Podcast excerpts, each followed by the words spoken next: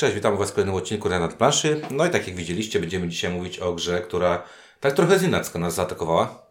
Masz takiego poczucia, że miałeś, czekałeś na tę grę, czy, czy znaczy inaczej, to na jest, polską wersję tej gry? To jest gra, o której e, istnieniu wiedziałem, ale nie spodziewałem się, że ktoś się szarpnie na to, żeby wydać ją po polsku. Po polsku, tak jest. E, dlaczego? Dlaczego? Dlatego za chwilę o, o tym powiemy, bo ja przynajmniej będę chciał nawiązać do wcześniejszych gra, gier e, tego wydawnictwa oryginalnego, czyli La Bois de Jo, czy jak to się tam czyta. w każdym razie dzisiaj mówimy o Daimyo. jest nas tylko dwóch ale postaramy się nadrobić kontentem. Yy, I są to. Windziarz. I Ciuniek. Dobra, yy, zaczniemy od tego, że wydawnictwo La Jo, czy tam jak to się tam czyta. Błotożuj. Błotożuj. Zrobiło kilka gier, które mieliśmy okazję zagrać. Pierwszą z nich byli Ocaleni, nie wiem czy pamiętasz, wydano przez wydawnictwo Rebel. Rebel. U nas to wydał i nie byliśmy zachwyceni. Nie byliśmy zachwyceni, aczkolwiek pamiętasz, że yy, tam był pomysł jakiś przynajmniej w tej grze. Był tam pomysł na, na, na inne podejście do, yy, do tego. Znaczy to było euro z względnie wysoką negatywną interakcją tak. potencjalną, które koniec końców wydaje mi się, że okazało się trochę takie za proste, za płytkie. Nie lubię tego słowa, że gra jest płytka, głęboka, to powiem... Spoko.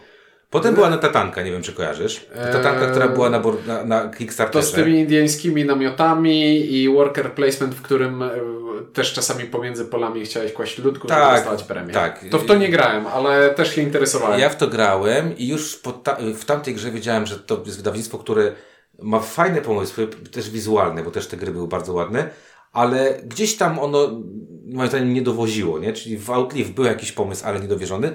W Netatanka bardzo fajny pomysł na worker placement, który był trochę ubogi na, naokoło. No i potem zrobili grę It's a Wonderful y, World, w, pols, w polskie wersja, czyli Nowy jak, wspaniały, nowy wspaniały świat, Fox Games. Y, I to nam się podobało. I to nam się podobało, ale nadal było widać, że to jakby ktoś mi powiedział, że kurde, ta gra jest jakaś taka trochę biedna i prosta, to nie miałbym kontrargumentu, poza tym, że ale mnie się podoba. No dobra, czyli, czyli tak naprawdę oni zawsze fajny mają pomysł, a potem coś z tym pomysłem się dzieje. Znaczy oni mają o, to zabrzmi źle, ale oni mają poprawne pomysły, które zawsze są bardzo ładnie opakowane.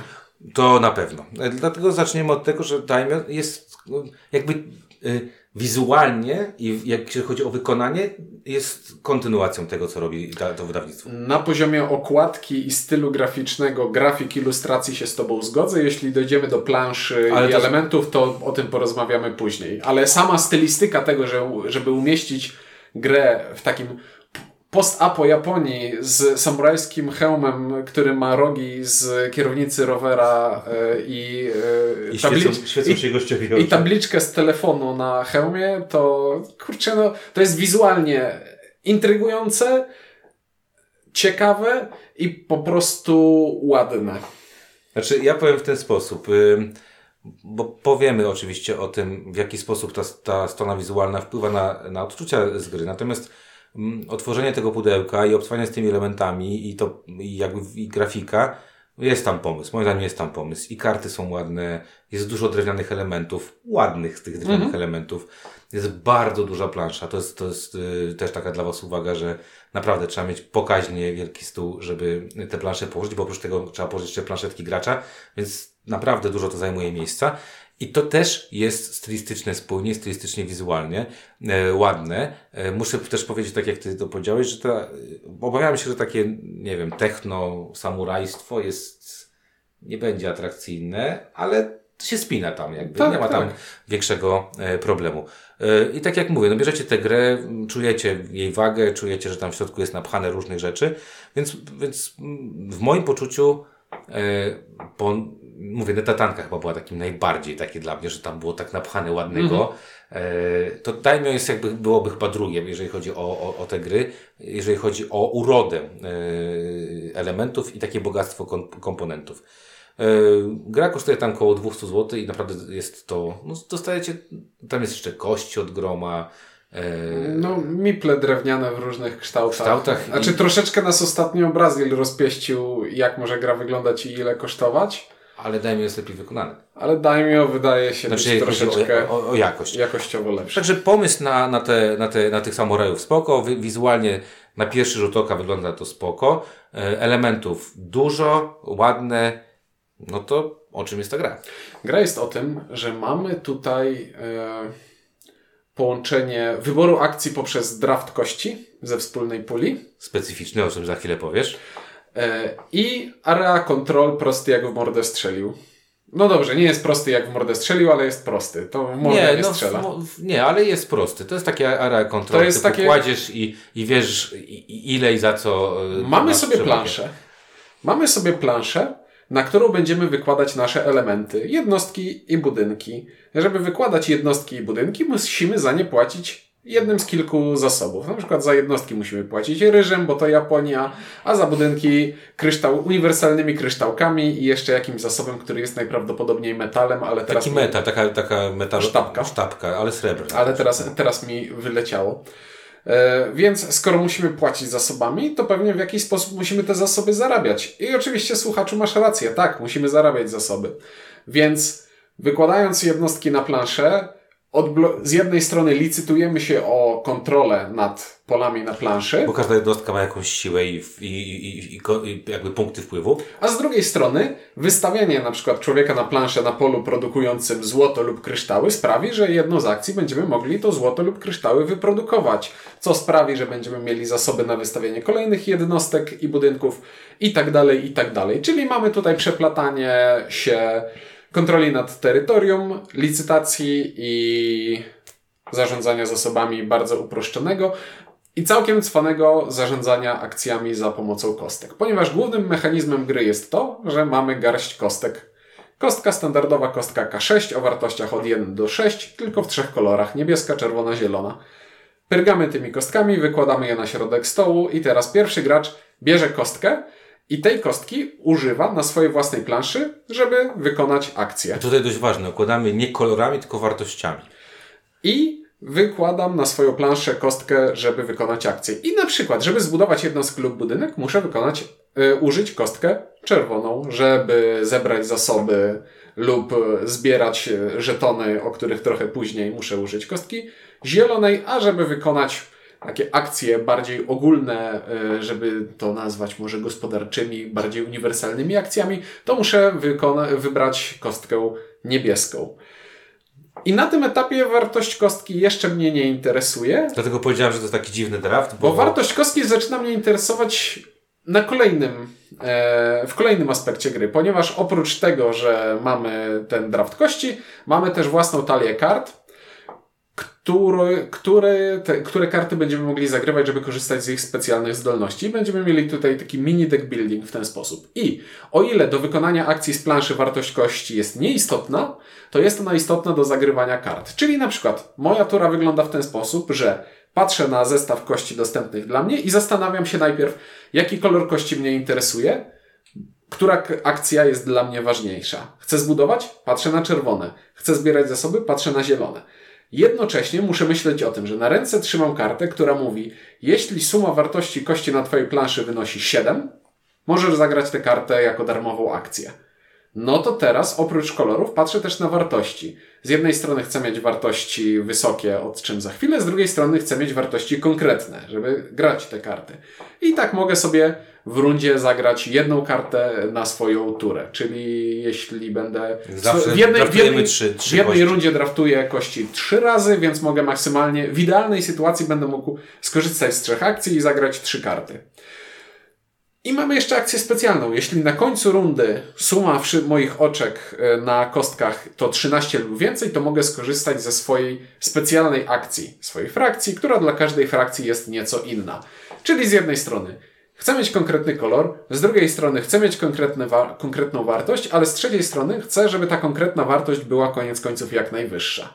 I to na papierze się spina. Z czwartej strony jeszcze jedną rzecz, bo tutaj jeszcze dwie rzeczy dodam i z czwartej strony chcesz to mieć jakieś kolejności, czyli chcesz, żeby na przykład, nie wiem, twoja pierwsza kość miała 5, a suma drugich miała 9, czyli nie dość, że chcesz mieć kolory, to jeszcze chcesz mieć to w jakimś tam poszczególnym tym. No i, i najgorsza i... rzecz na świecie, czyli jeżeli, bo to jest tak, że mamy pięć akcji, jedna jest niebieska, dwie zielone, dwie czerwone, nie chcesz zostać z ręką w nocniku, że na końcu draftujesz czerwoną i musisz robić akcję ucieczkową w postaci brania e, dwóch, misek, dwóch, dwóch misek ryżu, bo, bo takarz e, również się tam znajduje. Więc, więc tak naprawdę, e, jak widzicie, ten, to jest taki trochę dziwny draft, bo z jednej strony Przede wszystkim powinien nas interesować kolor jednak, bo, bo bez tego nie wykonamy większości rzeczy, ale bez dopalania tych, tych, ty, tymi samurajami, o których powiedziałeś, ewentualnie bez wykorzystywania swojej specjalnej zdolności swojego klanu, czyli wysokich wyników, zaczyna to się wszystko trochę rujnować.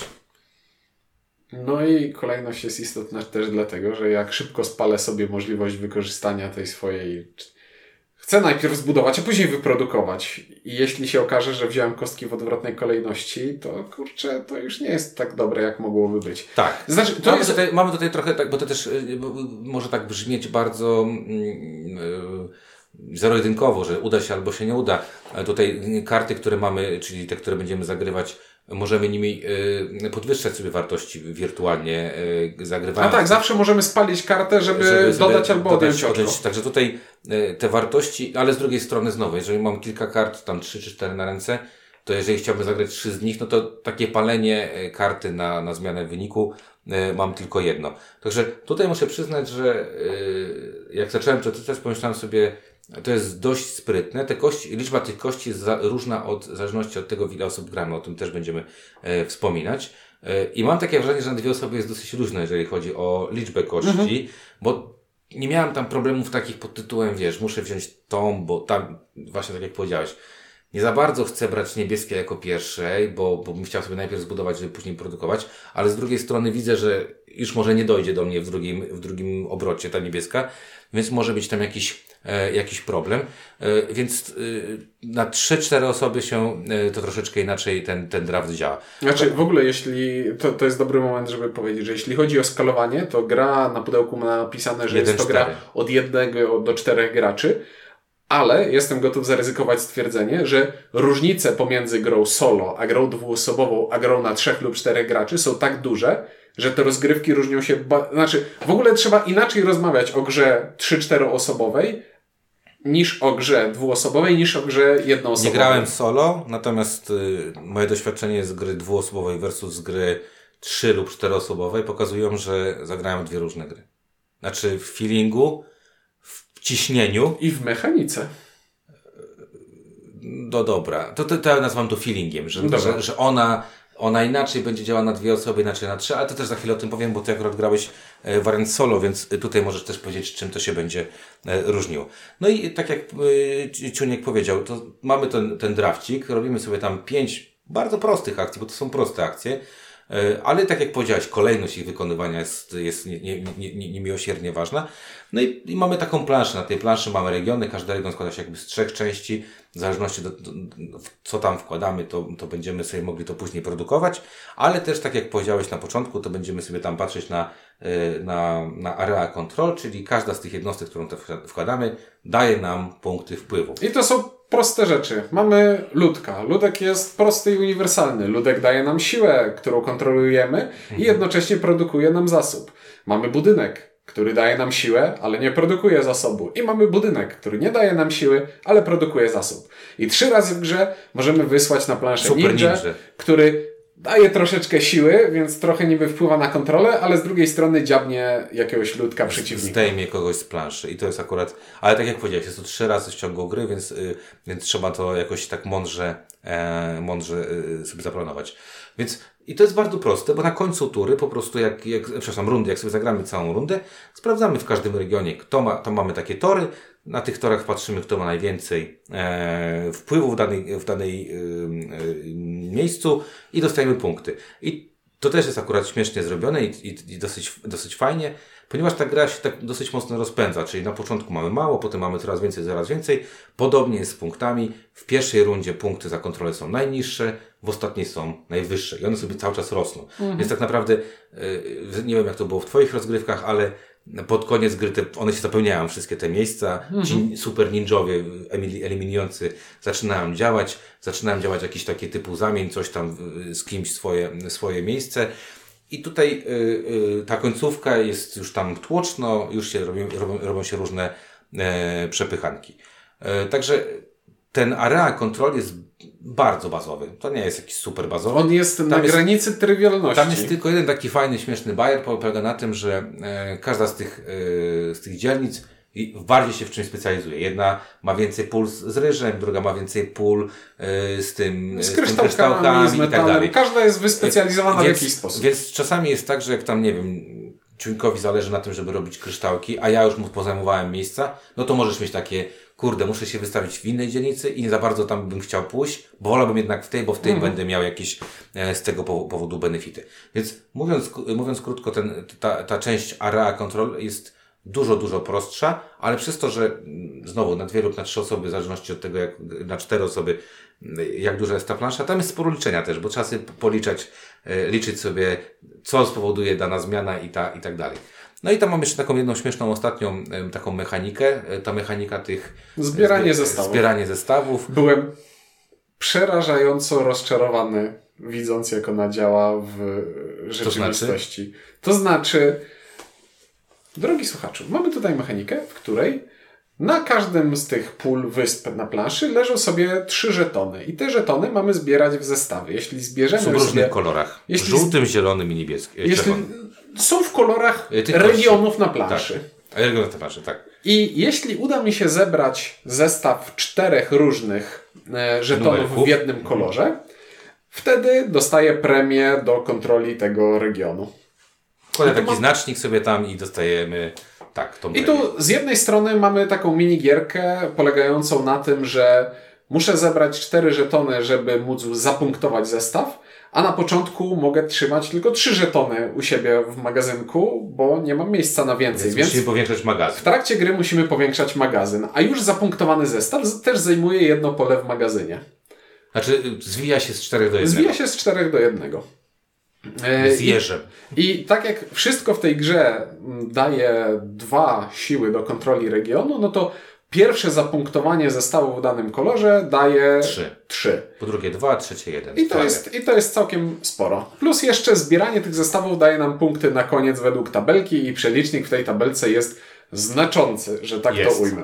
Jest. Wygrałem raz tę grę na to. I to, co mnie najbardziej rozczarowało, to jak mało ciekawe jest to zbieranie i jak, znowu... bar i jak bardzo jest, to jest proste jak w mordę strzelił. Te żetony mają teoretycznie ilustrację z jednej strony. A, to cię wkurzyło, że Ale ta ilustracja to? jest absolutnie nieczytelna. Jest, znaczy, to jest ilustracja, która składa nam jakiś budynek, że te cztery żetony możemy sobie złożyć w taki budynek no i, mamy ładną, dużą ilustrację. No tak, ale instrukcja mówi, że masz je odwrócić i zwinąć, żeby faktycznie zajmowało jedno miejsce. To jest akurat bez sensu. Więc mimo, że ta ilustracja na tym żetonie jest, to tak naprawdę dla czytelności cały czas na planszy one leżą odwrócone mordą do ziemi, żeby widzieć kolor i cyfrę. Robi, więc tak. nie widać grafiki, więc widać tylko cyfrę. I jak zbierasz je, to też widzisz tylko cyfry. I jak no zapunktujesz, to też widać tylko cyfry. Mieć, tak, chcesz im... Znaczy, y, ja tutaj miałem, tutaj właśnie pojawia się problem y, w rozgrywkach dwu, trzy czy cztero osobowych, bo na dwie osoby mamy wirtualnego trzeciego gracza, y, u którego te, któremu można od niego kupować te... No, wirtualny gracz zbiera te kafelki w swoim własnym magazynie, tak. które można kupować od niego, dopóki nie zbierze zestawu, bo jak zbierze, to No właśnie, i to, jest, to jest ciekawe, bo na dwie osoby można sobie grać, że tam wrzucasz coś, tylko po to, żeby później sobie z tego, z tego, z tego łyknąć. Jak graliśmy na cztery osoby, zebranie, ze, znaczy na dwie osoby w ogóle zebrałem, wygrałem na zestawach, mhm. zebrałem ich bardzo dużo. Na cztery osoby już było chamskie podbieranie tylko po to, żeby ktoś nie zebrał zestawu, bo dawało mu to dużego kopa przez to, że wychodzą one lesowo, nie jesteś, i, i dużo osób się o nie bije, bo jest już tam ciekawa I to rzecz. Jest, to jest właśnie to, do czego zmierzam. To jest bardzo trywialne rozwiązanie, bardzo proste zbieranie zestawów. Zbierz cztery różne rzeczy w jednym kolorze, które jest tak jakby centralną osią rozgrywki. To, to jest to, co daje najwięcej punktów, bo daje punkty samo z siebie i daje dużego kopa do kontroli terytorium, Dużego które kopa. daje duże punkty. Plus jeszcze jest dość mocno zależne od, no dobrze, nie powiem, że dość mocno, jest trochę zależne od losu, ponieważ na, na, początku rozkładamy te żetony e, losowo z woreczka na planszy i za każdym razem jak ktoś usuwa z planszy żeton, to dolosowujemy z woreczka następny. To jest rozumiem. I potrafi cię zaboleć, jak masz na przykład... Jeśli coś... mam praktycznie pełny magazyn, w którym mam 3 czwarte zestawu i rozpaczliwie chodzę i szukam tego czwartego żetonu, bo no przecież nie wyrzucę ze swojego magazynu trzech czwartych zestawu, bo wszystkie kafelki, które wyrzucę, one trafiają do wspólnej puli, z której inni gracze mogą rozdziobywać, kupować. No to to jest trochę przykre. Eee, Dlatego nawet wiem... miałem takie poczucie, wow, ale to jest fajna mechanika. Zbieram sobie, wiesz, robię sobie pezeciki, a dodatkowo jeszcze walczę jakby o mm, w regionie o, o wiesz, o, o, pier, o prym. A na cztery osoby miałem takie co tu się dzieje? Gramy, wiesz, w piątą rundę i nie pojawiła się czworka żółta w ogóle jeszcze w mm. grze. A jak się pojawiła, to wspaniali koledzy stwierdzili, po co ci windziarzu czwórka żółta, skoro ja ją mogę wziąć tylko po to, żebyś ty nie miał yy, tego monumentu, nie? Dodajmy do tego, że w grze jest też mechanika celów, kto pierwszy, ten lepszy. Tak, i cele są takie raczej. Yy, cele to są rzeczy, które i tak robimy, ale znowu. Yy... Właśnie. Cele, cele dotyczą rzeczy, które i tak robimy, czyli na przykład kto pierwszy położy tam y, cztery budynki. I, I tak każdy będzie te budynki chciał kłaść, więc i tak to robimy. Jest to taki wyścig trochę dla samego wyścigu, nie? Tak, ale to tutaj to mnie jeszcze nie boli. Wyścig dla samego wyścigu, który wpływa na to, w jaki sposób będziemy próbowali sobie optymalizować nasze akcje. To Szkoda, jest, że nie ma Michela, to jest, powiedział, co, co go tam boli. To jest, to, to, jest, to jest jeszcze w miarę spoko. Ale znowu, jest, jednym z najwyżej punktowanych celów jest cel związany z budową tych, z, ze zbieraniem tych zestawów, bo on daje tam 5 punktów. Jeśli pierwszy tak. gracz, który zbierze i tu x tych zestawów, mhm. dostaje 5 punktów. Czyli tak jakby gra zwiększa ci dźwignię ryzyka, bo cała gra to jest ile jesteś gotów w stanie zaryzykować. Znaczy inaczej, ogólna zasada we wszystkich grach jest taka, że z dużym ryzykiem powinien się e, wiązać duży zwrot. Zysk, tak. Duży zysk, więc im większe jest ryzyko, tym ten zysk jest e, większy i w tej grze tak jest, bo jeśli wszyscy będzie, będą próbować zbierać zestawy, to każdemu graczowi z osobna będzie coraz trudniej zebrać ten zestaw, i ten, komu się to w końcu uda, dostanie największą premię, bo z jednej strony będzie miał najwięcej zestawów, co daje dużą e, premię z samego przelicznika z końca, na końcu gry, daje dużą premię do kontroli terytoriów na planszy i jeszcze dostajesz premię za wykonanie celu jako pierwszy. I im ta dźwignia zwrotu yy, inwestycji w ryzyko jest wyższa, tym coraz y, bardziej prawdopodobne jest, że ktoś na internetowym forum napisze, ta gra jest losowa i głupia i, wy, i przegrałem dlatego, że nie wylosowałem kafelka z worka. No tak jak powiedziałem, mnie to bardzo dotknęło właśnie w tych, tych partiach, wiesz, na wiele osób, nie? Bo e, w sytuacji, kiedy e, masz ograniczoną pulę, bo to też jest ciekawe, zobacz. Jak gramy na dwie osoby, czy na trzy osoby, czy na cztery osoby, pula tych miejsc jest taka sama zwiększa się liczba wysp. Gramy na, na, innej planszy, jest więcej wysp, ale yy, czy, czy grasz na 3 czy 4 osoby? Dla każdego koloru będą trzy zestawy do zebrania. Ale chodzi mi też o pulę miejsc na. E, na każdej na, wyspie na każdej są trzy kafelki widoczne. Na każd ale na każdej. Dobra, inaczej. Pula miejsc na każdej wyspie, na wojowników i na budynki jest taka sama. A tak, tak. I teraz wrzucenie tam w zestawie trzech rzeczy, czyli trzech jakby, yy, wiesz, posiadanie trzech do kontroli tego, tego zestawu na czterech osoby, na cztery osoby jest dużo bardziej cenne. Bo, bo łatwo tam się zakorkuje w niektórych wyspach, nie? Czyli nie wiem, na fioletowej już nie masz miejsca, żeby coś sadzić. No tak, jeśli teoretycznie na każdej, na czterech graczy na każdej wyspie, na każdego z nas przypada jedna czwarta dostępnych miejsc średnio, no. to te trzy punkty e, kontroli robią, dające robią, e, robią dużo. Z, z, pierwszego monumentu dają no większą, mają większą wartość w partii czteroosobowej niż w dwuosobowej, no tak gdzie jak, na każdego z nas tak. przypada połowa. No i tak jak powiedziałem właśnie, zabolało, ale, ale, ale zabolało mnie to, że tak, wiesz, że nie, ale nie uzbierałem. Ale nie? tu skaluje się to w trochę w taki inny sposób, że jeśli dobrze pamiętam, punktacje na, są troszeczkę inaczej no, rozłożone. Okay, ale to nie jest, to, to, ale bardziej mi chodzi o to, że wiesz, że zebranie tego zestawu to jest duży kop, szczególnie, że da tak, tak. dużo PZ-ów i, i, i właśnie nie wyjście tego i, i, i tak jak mówię, no na dwie osoby miałem takie poczucie, że kurde, te zestawy się zbiera, tylko trzeba trochę zainwestować też, tak? Mhm. Natomiast na cztery osoby już miałem takie, what, nie, dalej ta pula jest taka sama, może ci nie wyjść. Miałem taką śmieszną sytuację, w której jedna z kart pozwalała mi skoczyć tym swoim ziomeczkiem do drugiego, na drugą wyspę, wziąć coś i wrócić sobie mhm. gdzieś. I mówię, wezmę, skoczę i wylosuję coś. I wylosowałem na tej, wyspie, na tej wyspie, z której musiałem wyskoczyć. Wylosowałem ten, który mi e, był potrzebny. Ale wracając, a, a, teraz nawiązując do tego, co powiedziałem. Te karty. Powiem Ci, że jak przeczytałem instrukcję, że mamy tam taki, nazwijmy to pseudo deck building, bo to jest bliższe Arnakowi niż deckbuildingowi, bo tam nie, nie, nie miąchasz nie cały czas tej, tej, tej, tej talii i masz większy wpływ na to, co się, jakie, jakie te karty się po, położą, to pomyślałem sobie, kurczę, fajne jest to, że e, najpierw sobie draftujemy, bo chcemy na przykład zieloną bo, kość, czy tam niebieską, bo chcemy wykonać daną akcję, ale podobało mi się to, że kombinujesz gdzieś tam podświadomie, że chcesz jednak odpalać te zdolności. Bo zdolności kart, które sobie możemy kupować na końcu każdej rundy, są naprawdę mocarne i potrafią być mocarne. E, takie game, changing, game changerowe, na zasadzie, że grasz trochę na innych zasadach niż grają pozostali mhm. gracze. I miałem poczucie, że to jest bardzo fajny e, mechanizm, e, ale podobnie jak w Arnaku, on tak nie śmigał, jak mi się wydawało, że będzie śmigał. Nie wiem, czy wiesz o co mi chodzi, że... Mm... Znaczy to była przyprawa, a nie główne danie. Tak, ale bardziej miałem takie poczucie, że bardzo podoba mi się ten mechanizm, a jednocześnie jego wykorzystanie, no to, dobra, masz rację. Bardziej, jakby myślałem, że będzie od więcej znaczył w rozgrywce, bo może więcej znaczyć, mhm. ale ograniczenie jednej karty na, na, na, rundę, na, na, rundę, na turę, turę czyli trzy ka karty max i to wcale nie jest proste, żeby mhm. zagrać trzy.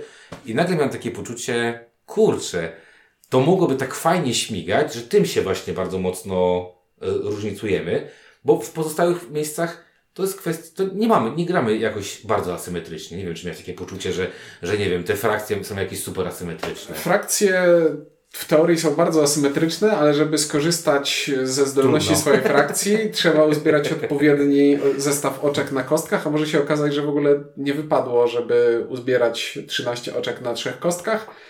Więc różnie bywało zdarza. Się, zdarza no, się. Zdarza się, tak. E, ale tak, frakcje różnią się przede wszystkim e, tą jedną główną zdolnością, która bywa e, różnicująca mocno, ale nie zawsze się odpali, więc tego nie czujemy. Bardziej czuć tę drugą rzecz, która wpływa na różnorodność, o której jeszcze nie powiedzieliśmy.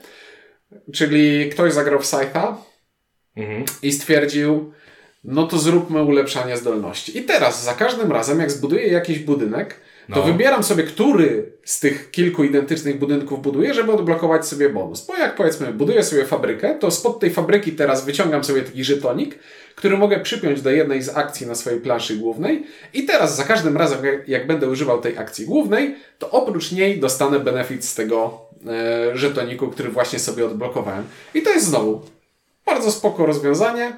Szczególnie jak jeszcze dołożymy sobie motyw, że na początku rozgrywki możemy sobie zestawy tych zdolności żetonów wydraftować ze wspólnej puli, żeby nie grać e, cały czas tym samym. Ale to może w ogóle dwie części planszy, dwa rodzaje żetonów. No, można grać symetrycznie, asymetrycznie z tymi żetonami. E, tak. To jest wszystko, co na papierze stwierdziłem, że powinno działać. I ja od jakiegoś czasu jestem fanem e, rozbijania tego, w jaki sposób grą sterujemy i co w tej grze robimy, to tutaj bardzo mi się podoba, w jaki sposób rozgrywką sterujemy, ale to, co w tej grze robimy, czyli po prostu licytujemy się o kontrolę nad prostymi terytoriami i zbieramy trywialne zestawy y, żetoników w kolorach, nie, nie, nie bawi, nie dowozi. E, no dobra, to widzę, że za powoli przechodzisz do, e, do pewnych podsumowań. Ja zacznę może e, od minusów, bo mam tutaj dwa czy trzy takie minusy, które mnie zaskoczyły i trochę, i trochę... nie powiedzieliśmy jeszcze. O czym? Obstrokaciźnie. No właśnie chciałem zacząć od, od, od, od dwóch rzeczach. No zacznę. Pierwsza rzecz, pudełkowo ta gra powinna trwać 60-90 minut. Nie wiem ile ty grałeś swoje partie. Spoiler, nie graliśmy razem ani jednej partii. Mhm. Nie zagrałem żadnej partii, która trwałaby pudełkowe 90 minut. Na dwie osoby pierwsza partia trwa strasznie długo. Tutaj pozdrawiam Tomka, który zrobił wszystko tamtego dnia, żebyśmy źle, żeby y, y, nam się długo grało, ale, ale jak wyszedł powiedział, że miał jakąś martwicę mózgu. Ale z Tomkiem zagrałem w tydzień później już w, w wariancie trzyosobowym i wcale nie było szybciej. A potem zagraliśmy w wariancie czteroosobowym i wcale też nie było, nie było, nie było szybciej.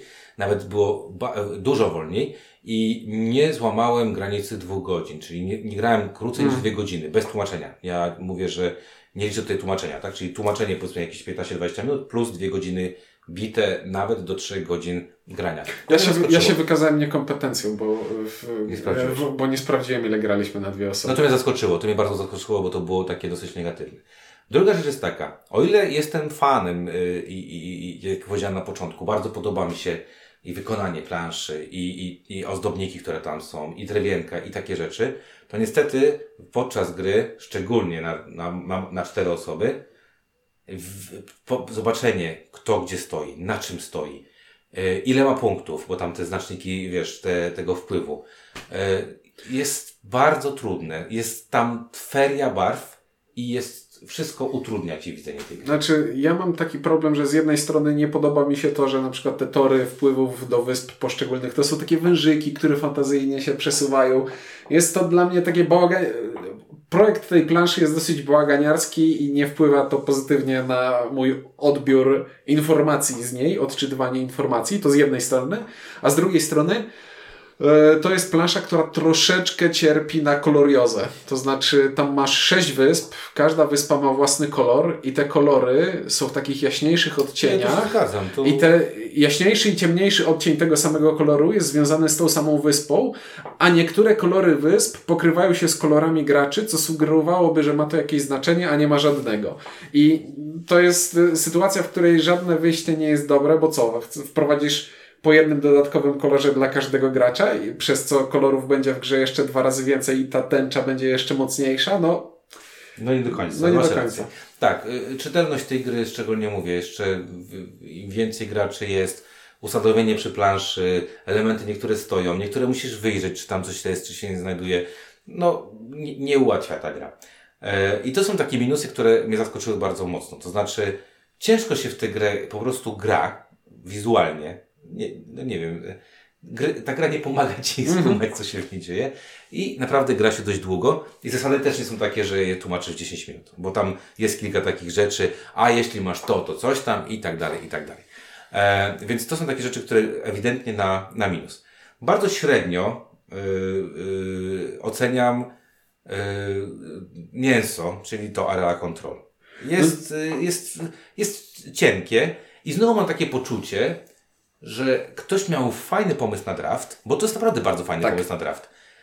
I w ogóle tak sobie myślę, że gdybym był deweloperem, to uwaliłbym całą tą planszę i zagrał jakąś grę, w której draftuję te kości, żeby coś robić. Żeby odpalać żeby własny silniczek. Robić jakiś deck building, cokolwiek innego, bo ta część natomiast mi się strasznie podoba. Czyli ta część, w której sobie robię ten deck building, kiedy muszę wziąć kostkę danego koloru, kiedy chcę ją sobie skombować z, z, wartością z kartą, którą posiadam, czy z dwoma kartami, które posiadam yy, i chcę odpalić sobie jeszcze specjalną zdolność. I to, co powiedziałeś, to, że stawiam akurat ten budynek, bo ten budynek da mi taką możliwość, czyli, czyli będę robił coś lepiej, albo ładniej, albo bardziej efektywnie i tak dalej, i tak dalej.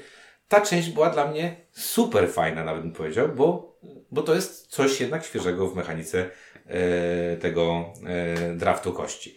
No i taki, no i jestem tutaj mocno rozdarty, bo z jednej strony, znaczy rozdarty może nie będę. Z jednej strony jest kilka minusów i znowu tak jak w Natanka mam. Tam nic nie było fajnego, oprócz tego pomysłu, że którą ścieżkę wybierzesz jakby do, mhm. do, do tego wykonania tych rzeczy. I teraz przejdziemy, już o czasie gry powiedziałem, ale teraz przejdziemy do, yy, do tego, dlaczego ta gra też jest różna na jedną, dwie i więcej osób. E, zaczniemy od dwóch i trzech osób. Znaczy, bo... szybkie, szybkie podsumowanie trzech, czterech osób. Grając na trzy, cztery osoby, gramy na planszy, na której jest sześć, planszy, tak. sześć wysp regionów, przez co tych kafelków do zbierania zestawów jest też trochę więcej, bo jest trzy po 12 kafelków na każdą wyspę y, w woreczku. No i wszystkie wszystko, co się dzieje na planszy, dzieje się tylko między graczami. Jeśli gramy na dwie osoby, to wprowadzamy coś w stylu takiego bota sterowanego przez tak. graczy, który efektywnie działa w ten sposób, że przed każdą swoją turą ja muszę wybrać kostkę dla gracza wirtualnego i zagrać w taki sposób, żeby skrzywdzić I to jest fajne. To jest fajne. I to jest fajne, bo podobało mi się to, że najpierw przestraszyłem się, że ten bot będzie, wiesz, robił takie zautomatyzowane rzeczy, ale nie, on robi to, co ty mu powiesz, żeby tak. zrobił. I ewidentnie na dwie osoby można komuś tam zrobić krzywdę. Znaczy faj, fajne tam jest to, że on też ma własne pola akcji, które, mu się, które mu się kończą. Tak. Znaczy chodzi mi o to, że on ma własne pola akcji, które mu się kończą, czyli wiesz jakie rzeczy będzie mógł zrobić w rundzie i ty decydujesz w jakiej kolejności o na przykład, o wiem, że będzie budował budynek.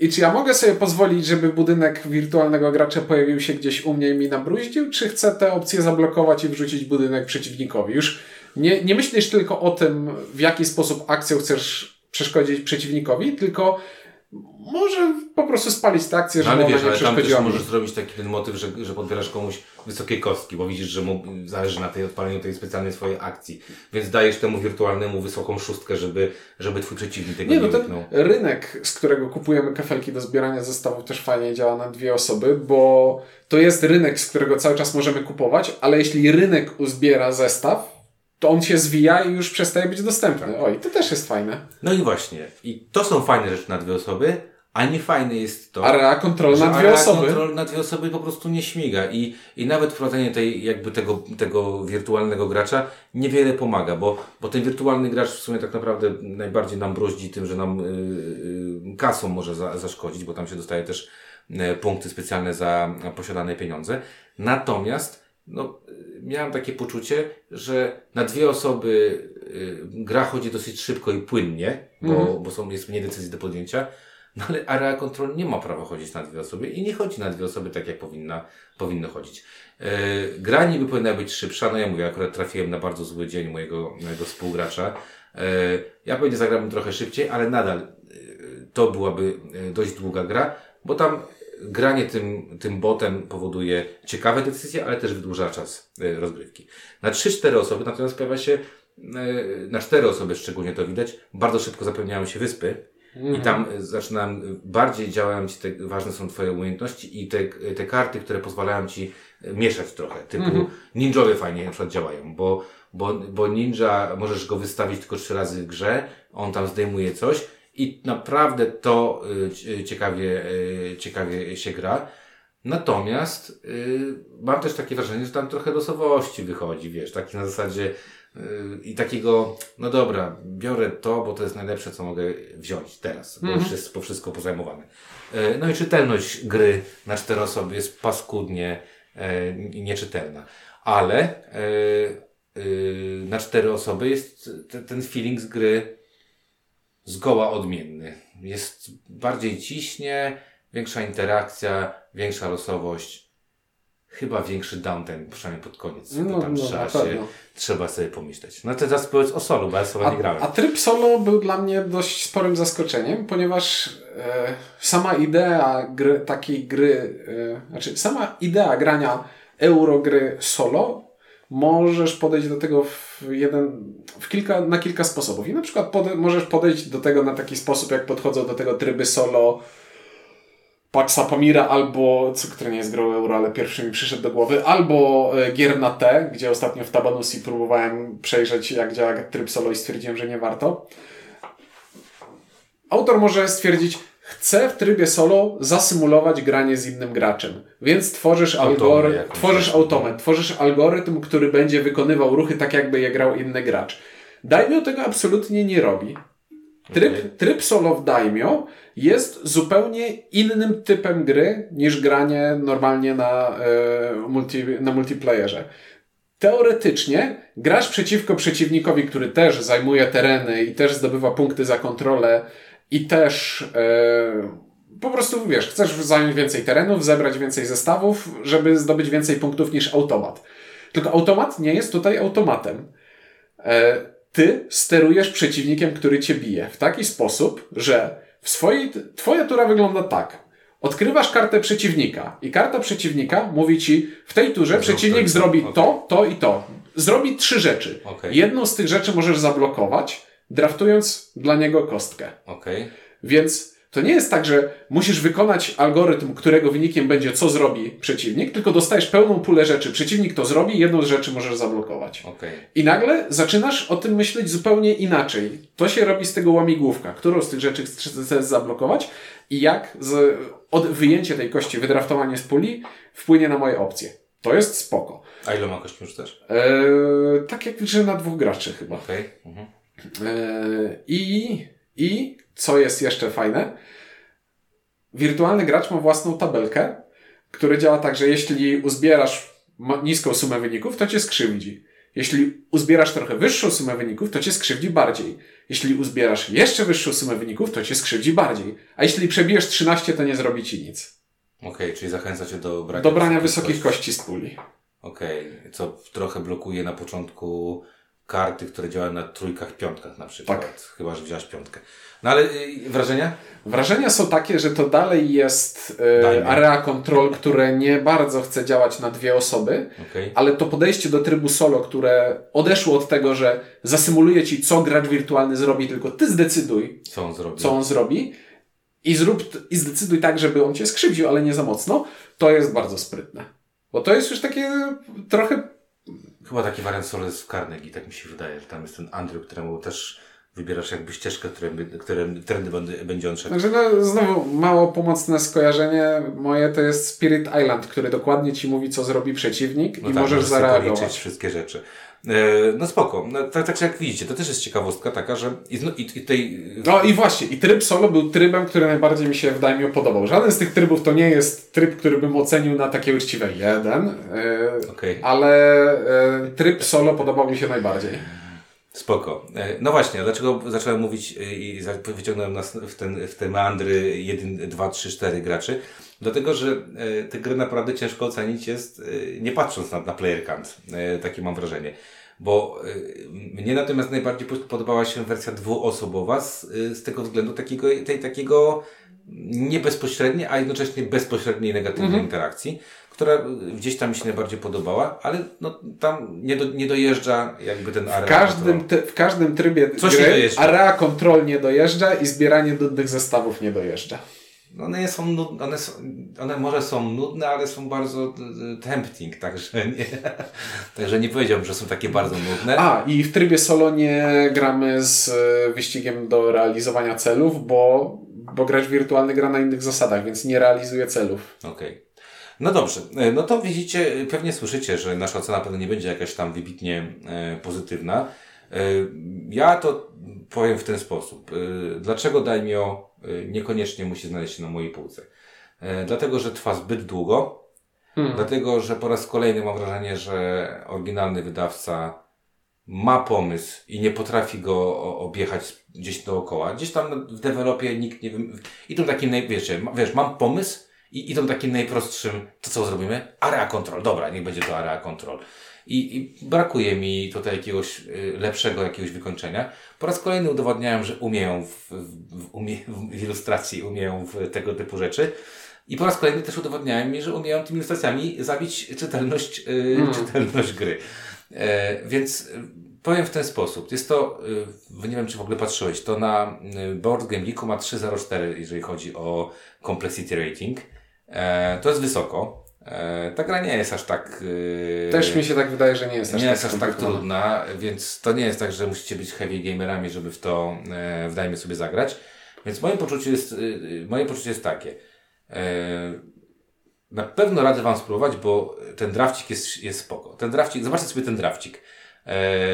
Natomiast pozostałe, co, liczysz sobie? Nie no, liczę, że trójka jest w środku, to jednak jestem się w stanie zgodzić, bo to nie wiem jak czytać te, nie wiem jak czytać tę skalę. Drafcik jest spoko, więc warto sobie e, e, pod tym względem sprawdzić. Natomiast dla mnie, jeżeli gra ma, jeżeli w grze tak naprawdę, bo tam punkty się głównie robi, jest area control, no to, to dajmy, niestety egzekwuje to dość średnio. To jest gra, która niespecjalnie mi się podoba, ale bardzo chciałbym na fundamentach tej gry zbudowaną inną grę. grę.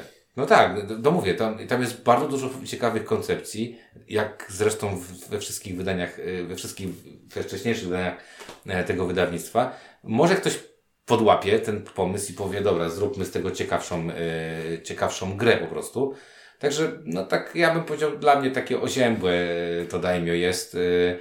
Nie muszę w to zagrać. I, to, I najgorsze jest to, że miałem taką jedną partię, w której dwóch panów wstało i powiedziało, że Nevermore. I to już, to już było dla mnie takie serio, no i że Nevermore, że już, już wystarczy. Także e, ja zagrałem w sumie trzy czy cztery partie i myślę, że już zeksplorowałem tę grę. Nevermore. Edgar Allan Poe nie poleca. Może tak ja, te, ja też powiem, że no, no zero. To, Jestem ciekaw, ale, ale partia solo prawie mi się podobała. a jestem ciekaw, jak to będzie dalej, bo y, Games Unplugged, który jest polskim wydawnictwem, czyli Gry Bez Prądu, to jest taka, taki sklep, który, to, który to wydał. I od którego dostaliśmy egzemplarz recenzencki. White Space będzie wy- robić. E, No jestem ciekaw, jak to, jak to pójdzie, bo, bo to jest trochę inna gra, ten White Space. Nie? Zobaczymy, jak to, to. Tego jestem bardzo, bardzo ciekaw. W każdym razie, e, no tak, podsumuj- takie podsumowanie, jak słyszeliście, zresztą mówię, chyba to było słychać w trakcie, e, w trakcie naszego nagrania, że mm, ciepła nie będzie za bardzo. A Ale szkoda. bardzo, ale bardzo chcieliśmy. Ale nie, szkoda, ja, ja tak, ja chciałem. Ja, ja, ja, ja w ogóle trochę na początku miałem takie, że wiesz, ta pierwsza partia przez to, że trwała strasznie długo i naprawdę no, grałem z, z, Tomek powiedział, że, że no nie, że, że grał bardzo źle i to przyznał się, wziął na klatę. Myślałem, że to wiesz, zaburzyło moją wizję Mhm. tego, jak to będzie wyglądało e, później. Dobra, e, tyle o Daimio e, i o Daimio mówili Czuniek. i Windziarz. E, dzięki, do usłyszenia w kolejnym odcinku.